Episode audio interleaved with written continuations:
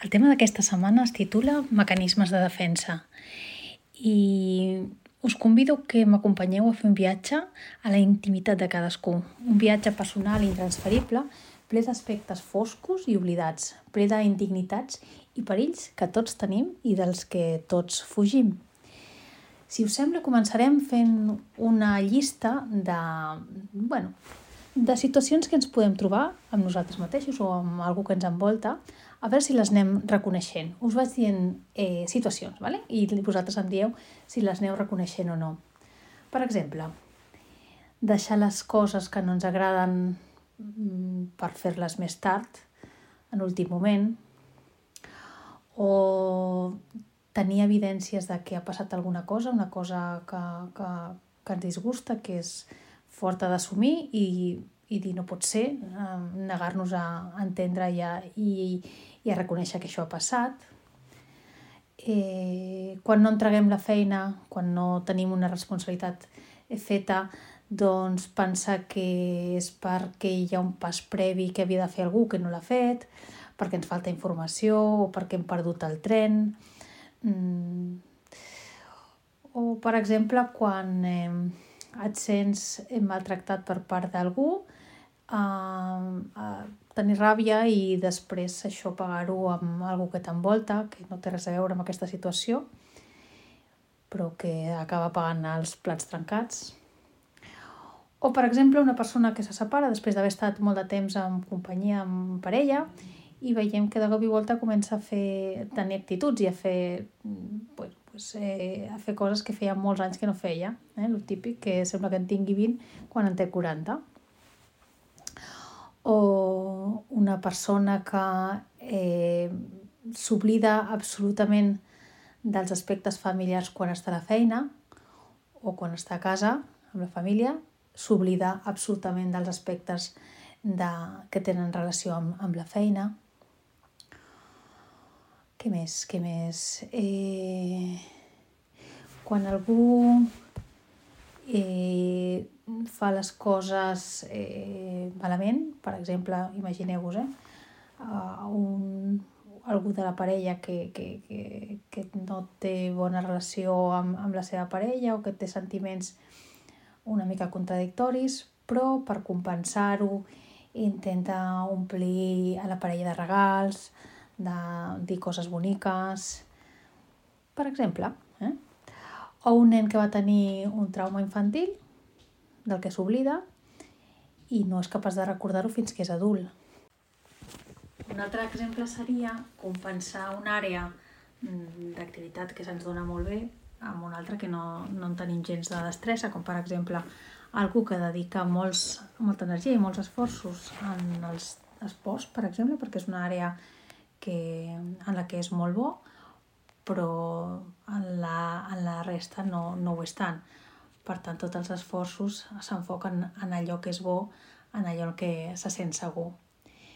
I per últim, eh, podríem també pensar en les persones que tenen moltes capacitats per, per l'art, que són capaços de, de, de crear i de transmetre emocions a través del seu art, ja sigui l'escriptura o, o la pintura.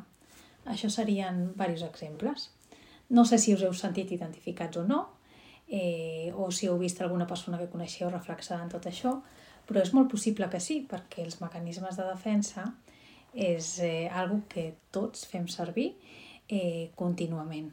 En alguns casos en fem servir eh, especialment un o dos, en altres doncs, anem combinant tipus de, de mecanismes de defensa. Eh, relacionat amb això, podríem parlar de la teoria del psicoanàlisi. Doncs la teoria de, del psicoanàlisi, eh, repeteixo aquesta part, eh, diu que hi ha com dos separacions, no? la part del, del, del conscient i la part del subconscient. La part més gran, la part més important és la del subconscient, però no, no la tenim visible està amagada i és complicat fer eh, submergir, o sigui, mm, posar a l'exterior la part que està dintre. I lligat a això, us deia que hi havia, eh, dintre de la, la teoria de psicoanàlisis, doncs una mm, separació entre tres entitats que hi havia a, a la ment humana, el ello, el jo i el superjo. L'ello es defineix com l'expressió de tots els impulsos, eh? tots els desitjos, molt lligats amb el tema de, de la sexualitat. Per Freud això era molt important. Desitjos d'amor i desitjos de mort, que, que no és que sigui mort en si, però que són pues, desitjos relacionats amb l'agressivitat, amb tot el que és més negatiu, i d'amor, no? de voler apropar-se, tots els temes sexuals, tot està dintre d'aquest eh, ello. Després hi ha una part que és el superior, que és la part de la normativa tot el que hem après, a com hem de ser, el que se'ns ha ensenyat a com hauríem de ser, eh, el que s'espera de nosaltres, si tu ets una dona d'una edat, t'has de comportar de tal manera. La religió et diu que això és el bo, això és el dolent. Tot el que és la norma social, si tu és un stop, t'has de parar en l'estop. Tot això forma part del, del, del, super, eh, del superior. I hi ha una part intermitja, que és el jo, que està eh, és la part més conscient i que està constantment mediant entre el que volen els impulsos, que són tot el contrari que normalment vol el, el superior, i els límits que tenim. Um, I aquesta mediació constant entre els desitjos i, i, i el que seria la normativa és eh, el que provoca molts conflictes. Conflictes en els que nosaltres, de manera constant, cada dia, en cada moment, ens anem trobant. Eh? a vegades no ens, no ens, no ens ve gens de gust aixecar-nos perquè el que voldríem és descansar i, i ens aixequem cada dia, no? A vegades no ens ve de gust fer exàmens, doncs els fem. De vegades quantes coses fem que no, que no voldríem fer, no? I aquesta és la mediació que està fent contínuament el jo entre el que voldríem i el que hem de fer. Um, D'aquesta lluita de passions i desitjos, que del que es pot fer i del que no es pot fer, sorgeix la teoria dels mecanismes de defensa. Els mecanismes de defensa eh, protegeixen, eh, ens protegeixen dels conflictes que hi ha entre aquestes dues entitats, eh, el, el i el superior. Eh, són com unes tècniques que, que busquen equilibrar psicològicament perquè això no ens faci mal. Són mecanismes que no serveixen per solucionar conflictes, no, no en solucionen cap, tot el contrari, el que fan és els bloquegen, de manera que nosaltres no ens sentim neguitosos, que ens tregui l'angoixa o que ens la parqui, perquè el conflicte continua. I per tant, eh, el que farà serà retrasar-ho aquesta, eh, aquesta resolució. Però, de moment, estarem tranquils perquè, d'alguna manera, l'haurem eliminat de, de lo que és el, la part més conscient i, per tant, no ens farà mal. us, us, eh, mm, en parlarem de diversos, en parlarem de 10, n'hi ha molts, eh? Possiblement aquests són els més bàsics, els més coneguts, i bueno, comentem a veure què us sembla, si, si realment eh, això forma part de, de la vostra... Bueno, comentar no, perquè això és una cosa superprivada. Hem dit que això és un, un, un recorregut personal intransferible de cadascú amb nosaltres mateixos i l'objectiu seria identificar si algun d'aquests eh, mecanismes són els que vosaltres acostumeu a fer servir. Segurament els fem servir tots, eh? en diferents situacions, però segurament que hi ha alguns que són més característics mm, vostres, de, de, de cadascú de nosaltres. Eh, quan més eh, bàsics, quan més, sí, quan més bàsics són, diguéssim, més primitius, són més problemàtics perquè, per exemple, un dels primers que, que ens podríem trobar és la repressió. La repressió és el mecanisme per al qual la, el que s'oculta de manera absoluta a la consciència un conflicte, algo que ha passat. Es reprimeix, com si no hagués passat mai, s'oblida. Us recordeu del cas que dèiem d'un nen que, que ha patit eh, abusos sexuals i oblida, o sigui, no, potser no ho recordo fins que és adult i com m'he pogut oblidar d'això? Com és possible que jo això no ho recordés? Doncs és per aquest, per aquest mecanisme de repressió. El, el, el, diguéssim que la ment diu això no ho puc assumir, això és massa per mi, això em fa molt mal, no sé com fer-ho, per tant, ho, ho reprimeixo. Un altre, aquest seria la, la repressió. Vale? N'hi ha un altre que seria el desplaçament. El, el desplaçament és un mecanisme que consisteix en centrar en centrar-nos a una qüestió concreta eh, per no haver-nos d'enfrontar pues, a, a la globalitat del, del, del conflicte, en algú que realment ens, ens, ens fa mal. És el que dèiem de, de, de la clau, no? O sigui, realment no estic preocupat per la clau, estic preocupat perquè tinc un examen que em neguiteja molt. Però eh, en, en, en la part conscient no m'apareix la preocupació per l'examen, sinó que m'apareix la preocupació per he tancat, no he tancat el gas, la llum, que, o el que sigui, eh? qualsevol cosa que, que ens pugui preocupar. Després hi ha una altra que és la negació. La negació. Tu saps perfectament una cosa que ha passat i la teva resposta és no, no, no pot ser, no pot ser. És com quan us donen una notícia bèstia, molt bèstia, molt bèstia, molt bèstia. El primer que diem és no, no pot ser. Algú hi ha, algú hi ha que, que t'estàs equivocant, això és que no pot ser. Això no em pot estar passant a mi, no, no pot ser. Això seria la negació. N'hi ha una altra que és la regressió. Us recordeu del cas que dèiem d'algú que es divorcia? Eh, jo ho he viscut amb amics i amigues que es divorcia i de cop i volta comença a fer coses superboges que dius, què, què passa? Què, què li està passant? O, o quan algú mm, es baralla amb, jo què sé, amb, amb el cap de, de, de feina i, i comença a, a comportar-se com si fos un criu, no? no? O plorar, a cridar són reaccions que, que, que estan molt lligades amb aquest, tema, amb aquest mecanisme de defensa que és la regressió. Diguéssim que eh, te'n vas a una etapa anterior del teu, del teu desenvolupament evolutiu. Com els germans que tenen un germà petit. Exacte. Que de cop i volta comença a fer-se pipí quan feia anys que no feia pipí al llit. Pues, pues és, és per això. És un conflicte que amb ell està angoixant molt, que no sap com, eh, no sap com eh, extreure, o sigui, com, com aflorar-ho, i, i el que fa és fer comportaments eh, més, de, de més petits. La racionalització, us recordeu de, de l'exemple aquest de, de que et fa vergonya fer alguna cosa, eh, et fa vergonya posar-te a ballar i dius no, és que estic cansat, és que he tingut una mala setmana, o és que em fa mal la cadera, o jo què sé, qualsevol cosa que et puguis inventar perquè realment el que et passa és que et fa vergonya sortir i, i et sents insegur amb, amb tu mateix. Això seria una racionalització, agafes aquest conflicte i li dones pues, un aspecte que seria pues, socialment acceptable, ho racionalitzes, li dones una explicació, sense dir realment el que és. Eh? El que fas és tu et quedes tranquil. Recordeu que els mecanismes de defensa no solucionen res, l'únic que fan és que tu puguis conviure amb això d'una manera tranquil·la. Una altra és la projecció. Um, quan eh, es projecten sentiments cap a una persona o una situació i atribueixes pues, emocions que són errònies. És, aquest és una mica complicat, però a veure si us ho puc explicar. Tu eh, et sents incòmode amb algú, no? Per, per el que sigui, i tu el que interpretes és que aquella persona se sent igual que tu. O sigui, tu projectes els teus sentiments, la teva, les teves emocions en una altra persona o en una altra situació. Um, la sublimació.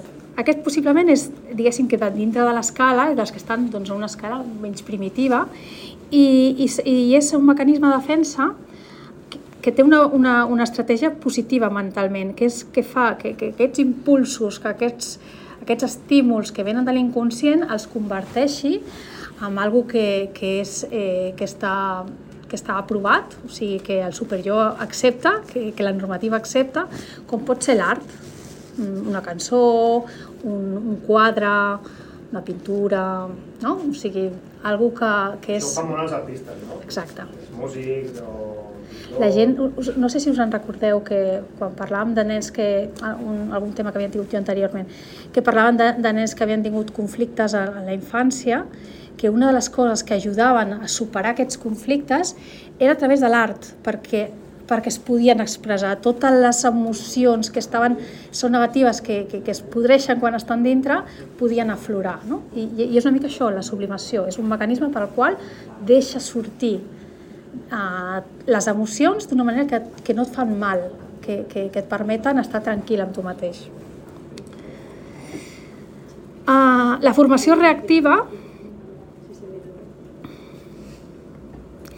és quan eh, tu ets conscient, això ja és complicat, eh? perquè tu has de ser conscient d'aquelles emocions que tens en l'inconscient, vale? que això no tothom ho aconsegueix i, i és, és, és complicat.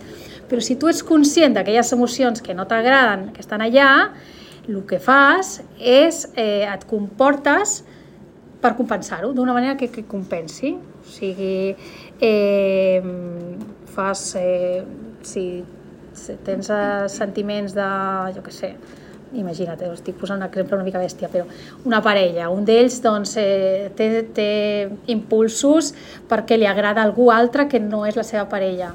Eh, I per compensar aquests impulsos que té i que estaven allà, el que fa és doncs, eh, tractar superbé a, a la seva parella, a fer-li regals, a compensar. Una mica és la, la compensació aquesta d'aquell impuls que és negatiu, que sap que, que és negatiu. I la compart compartimentació, que és quan una persona és capaç, eh, ja us deia que aquests ja són, estan molt més, eh, són molt més evolucionats, és una persona que és capaç de separar els aspectes de la vida que li, dona, que li fan mal i els que no, on se sent segur. Per tant, si una persona té molts problemes a la feina, doncs serà, serà capaç d'aparcar aquests problemes, aquests conflictes de la feina i quan està a casa doncs es, eh, estarà tranquil perquè no li, no afectant. Si no és així, aquests problemes de la feina se'ls emporta a casa. O al contrari, eh?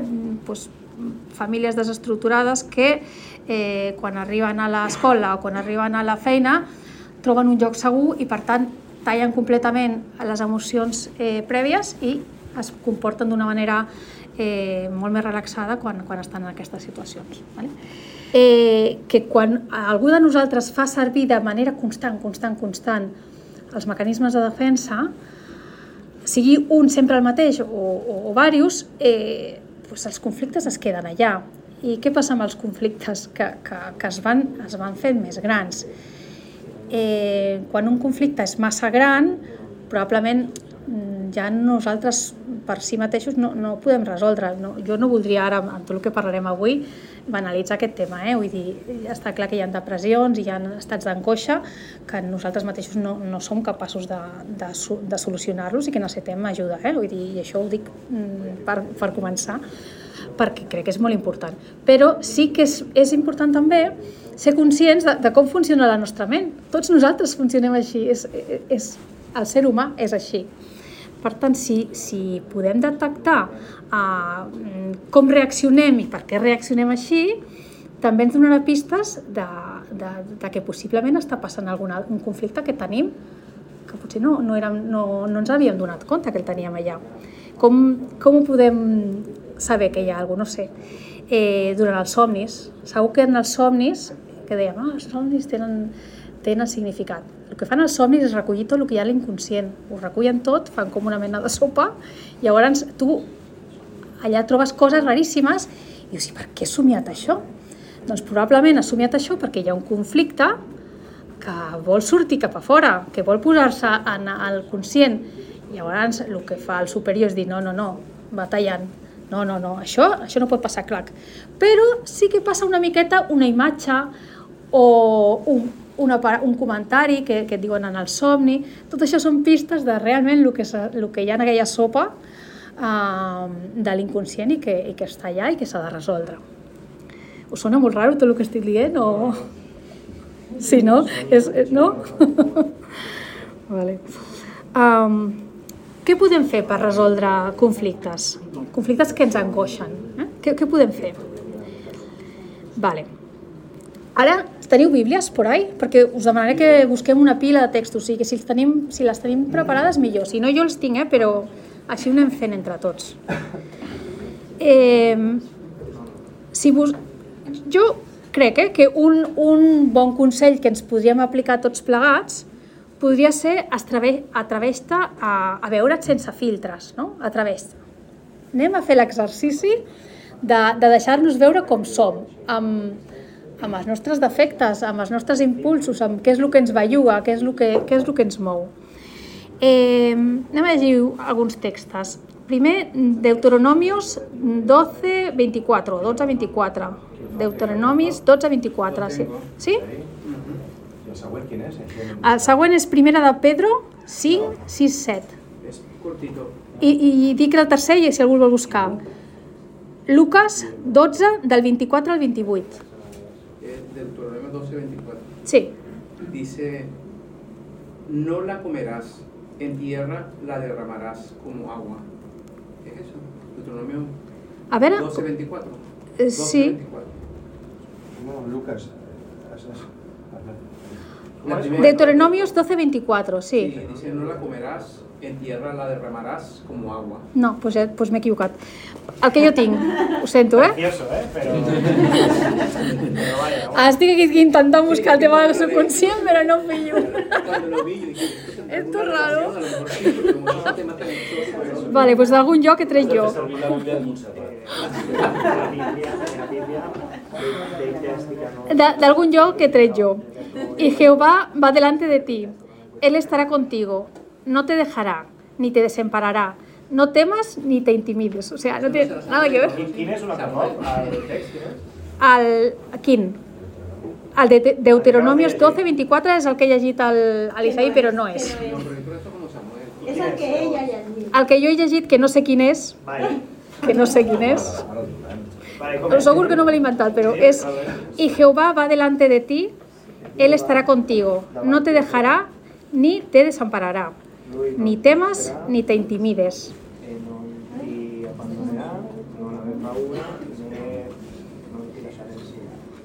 Té a veure, més o menys? El tema és aquest. El que jo volia que, que, que quedés clar és... Deuteronomio 31.8. ¿qué es eso? Ah, sí? Es que dos, dos Dice, el 24. Señor te irá delante de ti, Él estará contigo, Eso es. no te dejará ni te desamparará, no temas ni te... Ni te intimides. ¿vale? Esa, esa para mi és una paraula important. Sí. No temes ni te intimides. Per, per què he buscat aquest text? Perquè importante. Intimides, no t'intimides. O sigui, no, no, no, no tinguis por, no? Deixa, mm, enfronta't en això. Més que res perquè eh, a vegades ens fa molta por eh, enfrontar-nos a nosaltres mateixos, no? És com uf, veure aquella part que, uf, que et sents ridícul, que et fa vergonya, que, que no t'agrada, que és la part que no volem ensenyar a ningú. Però, però Déu la coneix, eh, la coneix perfectament. Per, per què ens ha de fer por a nosaltres si ell ja, ja sap com som, ja, ja ens ha vist? La segona... Eh, prim, totalment. Primera de Pedro 5... Algú la té? De. Primera de Pedro 5, del 6 i 7. Lo busco. Vale, primera de Pedro 5. ¿Cuál? 6, 7. Sex. Del 6 al 7. Sí, es 5, 6. Pues, ¿no? no, del seis al siete. La, la té, la té ella. Humillamos, humillaos pues bajo la poderosa mano de Dios para que Él os exalte a su debido tiempo. Depositad en Él toda ansiedad porque Él cuida de vosotros. Vale? Una mica més la, la mateixa idea. Hu- Humilieu-vos, no tingueu por d'humiliar-vos, perquè, perquè ell cuida de vosaltres. L'ansietat cap a ell. Ell cuida de vosaltres. I Lucas 12, al 24 al- al 28? Vale. Aquest sempre, sempre parlàvem d'aquest text una mica enfocat en, en les coses materials que ens falten, etc. Però realment a, a, aquí ho podem aplicar tot, o sigui, ell sap el que necessitem en tots els aspectes de la vida. Estar tranquils és una necessitat, és algo bàsic per, per, per l'ésser humà. Eh, doncs eh, relaxa't en aquest sentit. Eh, Déu et pot ajudar també això, et, et, et donarà el que necessites. I si ens preguntem com ens veu el Senyor, o sigui, quin valor tenim per ell, hi ha mil textos eh, sobre això. Jo bueno, he buscat alguns que m'han agradat, a veure, ta- també n'hi ha forces, eh? o sigui, si voleu fem una llista també i els anem buscant. La primera seria Joan 15, 16, Joan 15, 16, Juan 15. 16, 15, 16. Vale. Després. Deuteronomio 32, 10, Sí, aquí está. 32. Deuteronomio 32, 10, Sí, primera de Joan 2, 12, Primera de Joan, eh? Dos, dotze. una altra, Jeremías 31, 3 i 4, Ok. Algú, té més Bíblia? Sí, él, él reparte eso.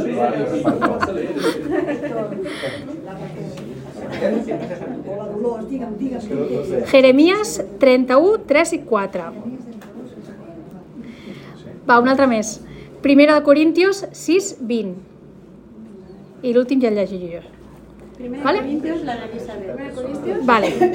Primera de Corintios 6, 20. Vale, doncs vinga, va, comencem per eh, Joan 15, 16. No? Jo el tinc en castellà, però la veritat és que m'agrada molt la versió en català, eh? Exacte. Sí, diu, hace mucho, mucho tiempo me aparecí ante ellos y les dije, Pueblo de Israel, siempre te he amado, siempre te he sido fiel, por eso nunca dejaré de traerte con bondad. Volveré a reconstruirte y volverás a, a danzar alegremente a ritmo de panderetas. O sea que es, no solo, no solo te voy a rehacer, sino que además vas a estar súper contento y vas a, vas a estar danzando. I Mateo 10, 29, 31, que el, el tenia jo, diu, no se venden dos pajarillos, bueno, aquest és molt semblant a l'anterior, eh? No se venden dos pajarillos en un cuarto, con todo, ni uno de ellos cae a tierra sin vuestro Padre. Pues aún vuestros cabellos están todos contados, así que no temáis, más valéis vosotros eh, que más valéis, más vosotros que muchos pajarillos. Eh? Una mica la frase aquesta de que qualsevol cabell està comptat, o sigui, ho sap tot de nosaltres, tot. Si Déu ens veu així, quina por hem de tenir nosaltres de veure'ns eh, com ens veu ell, tal com som.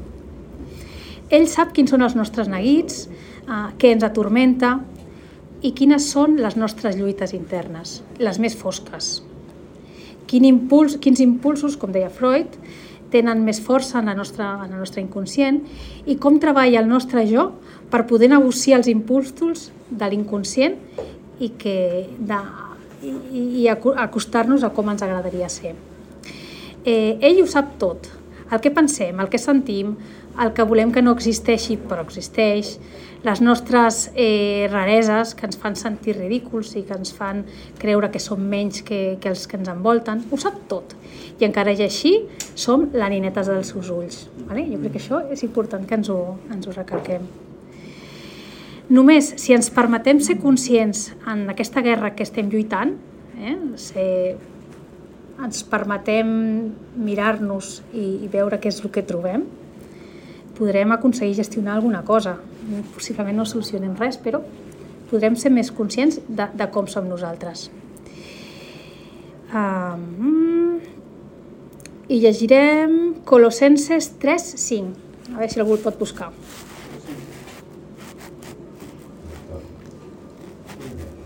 El primer que tingui que avisi. Colossenses 3, 5. 5. Sí. Haced morir, pues, lo terrenal en vosotros. Fornicación, impureza, pasiones desordenadas, malos deseos y avaricia, que és idolatria.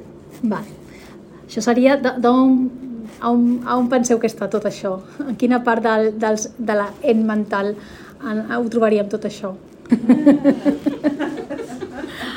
vale, què podríem fer? Trucos. Trucos per, una mica per quan ens trobem en situacions així. Um, són molt senzills, eh, el que jo us posaré.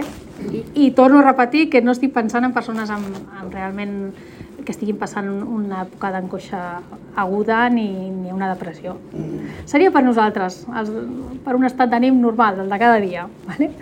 Aprenem a riure'ns de nosaltres mateixos, a, a veure les preocupacions eh, d'una altra manera. Eh? Ridicu aprenem a ridiculitzar-nos no? de, de lo que ens fa vergonya, de lo que, on ens sentim ridículs, doncs mirem-ho des d'aquest punt. No passa res riure'ns de nosaltres mateixos, ens ho podem permetre.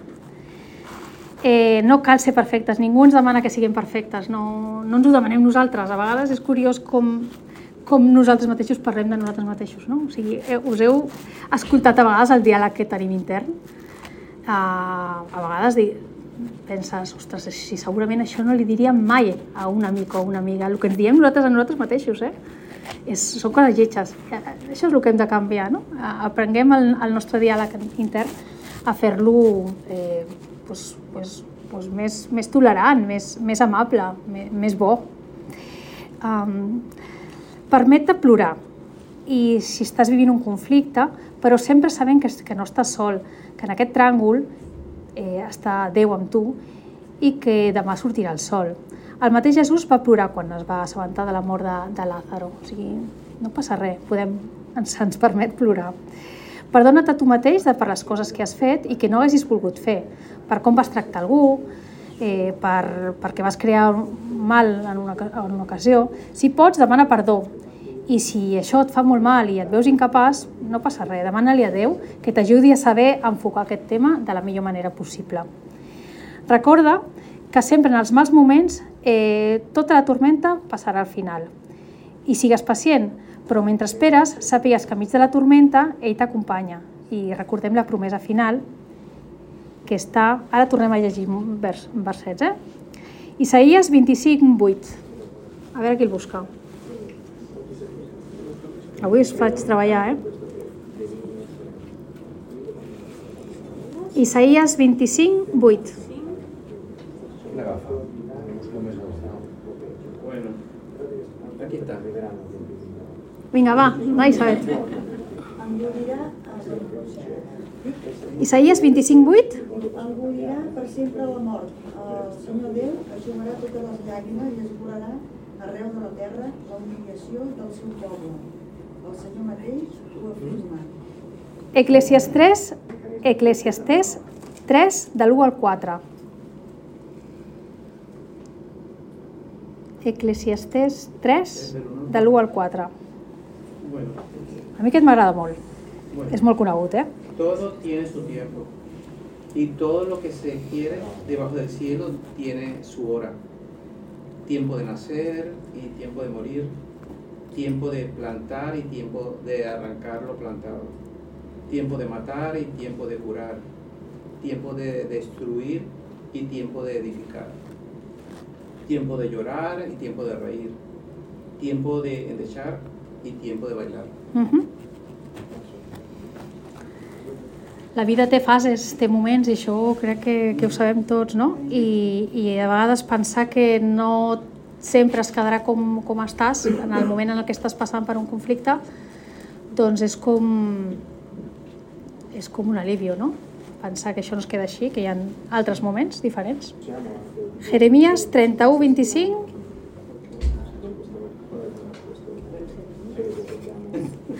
Tu, Isaí. porque satisf- satisfaré el alma cansada y saciaré, y saciaré a toda alma entristecida. Vale? O que ja, això ja és una promesa directa i, i molt específica. Eh? A toda satisfacer... Sat, satisf, yo he de satisfacer, és el que tinc jo aquí, he de satisfacer el alma cansada y saciar toda alma atribuïda.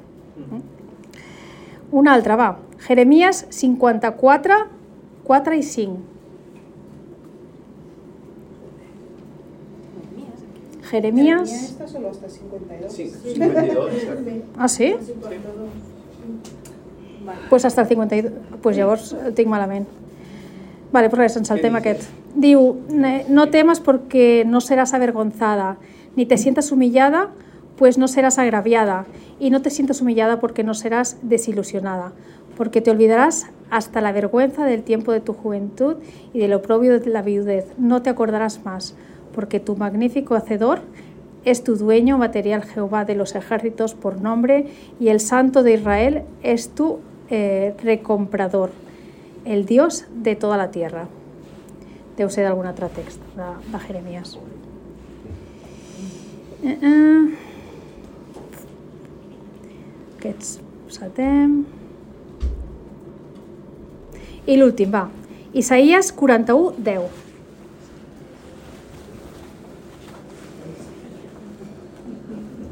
Isaías 41, 10. Yo no. Va, Guillem, uno. És molt curtet aquest, va. No tinguis por, que jo soc amb tu. No et neguiteguis, jo soc el teu Déu. Jo et dono força i t'ajudo, et sostinc amb la meva dreta bondadosa. pues què més que això, no? Vull dir, aquí està claríssim, aquí està claríssim. El que ens promet que farà amb nosaltres. Per tant, després de llegir tot això, no penseu que, que possiblement els nostres conflictes són, són petits davant d'aquestes promeses, de, de, de tot el que ens ha promès. Són paraules com molt grandiloquents, no? O sigui, jo ho faré tot per tu, no tinguis por, jo estic amb tu. I a més ho repeteix, ho repeteix, ho repeteix. Aquesta és una mica la idea, eh? Ara, eh, ja per acabar, em queden res, do- dos cosetes més i ja està. Eh, volia fer un joc amb vosaltres, a veure què, què us sembla. Us dic una situació bíblica i pensem a veure eh, aquest personatge bíblic quin, quin mecanisme ha fet servir. a veure què penseu. Vale? Com per exemple, eh, Moisès. Moisès que trenca la taula dels deu manaments, el moment en el que la llença al terra. Què penseu? Com es va sentir? Qui- Quin, quin, va fer, quin mecanisme de defensa va fer servir? Uh, David, David escriu els salms. Què penseu que era? Eh, quan Judas li fa un petó a Jesús per entregar-lo. Vinga, un altre cas. Quan Maria aboca el perfum als peus de Jesús, recordeu aquella imatge? Què penseu que va... Que, que... Quin mecanisme de defensa? Vale. Quan, quan Adán i Eva han pecat i diu... Bueno, i es justifiquen davant de, de, de Déu. Us recordeu d'aquest text? Os el recuerdo porque el tengo aquí. Diu, el hombre respondió, la mujer que, me- que, que tú me diste por compañera me dio del árbol y yo comí. Entonces el Señor le dijo a la mujer, ¿qué es esto que has hecho? Y la mujer respondió, la serpiente me engañó i jo comí. Com, com ho veieu això? Quin mecanisme és aquest? Va, a veure què penseu d'aquest. Crec que aquest, a veure si millor... Eh, quan Pere, quan Pere, mm, quan han apresat a Jesús i Pere diu, no, no, jo no conec a Jesús, jo no conec aquest home... No? La negació és el primer que ens surt, jo crec que això és, és evident. Però penseu que potser el millor, eh? No sé. El millor Pere va pensar, jo, si ara jo m'identifico amb el present a mi també, i jo ara, i el que necessita Jesús ara no és algú que estigui allà, necessita algú que, que pugui fer coses des de, des de fora, que el pugui ajudar des de fora. No? El millor no era tant com per dir que va tenir por, sinó per dir, no, no, a mi ara em necessiten fora, jo haig d'estar controlant a veure què passa. Sí, realment és que està ple, vull dir, és que és constant. En tots els, uh, totes les històries podem interpretar que hi ha mecanismes que es posen en marxa. Com a, com a conclusió, um, és necessari alliberar alliberar-nos en oració, en soledat i amb la companyia de Déu, de l'angoixa i del dolor, sent totalment honestos amb nosaltres mateixos perquè el Senyor tot ho sap, no, no cal mentir. Mitjan, mitjançant la, la honestitat serem capaços de vèncer les nostres pròpies mentides i els mecanismes de defensa. I això és un pas essencial per detectar, per deixar que la veritat de Déu sigui inter, inter, oi, inter, internalitzat en, en nosaltres mateixos i en la nostra vida. Recorda que Déu ho coneix tot i que per ser honest amb ell té efectes alliberadors de les emocions negatives que ens perjudiquen. És una eina que ell ens ofereix per, per estar tranquils i per viure millor. I tres textos més i ja acabem. Jeremías 23-24, que és molt curt, El següent tu. Eh, Mías 23, 24. El següent el Guillem. Vale. Salmos 32, Que Tres. sepultará- Espera, espera, que el reparteix Marina i ara... Espera, que se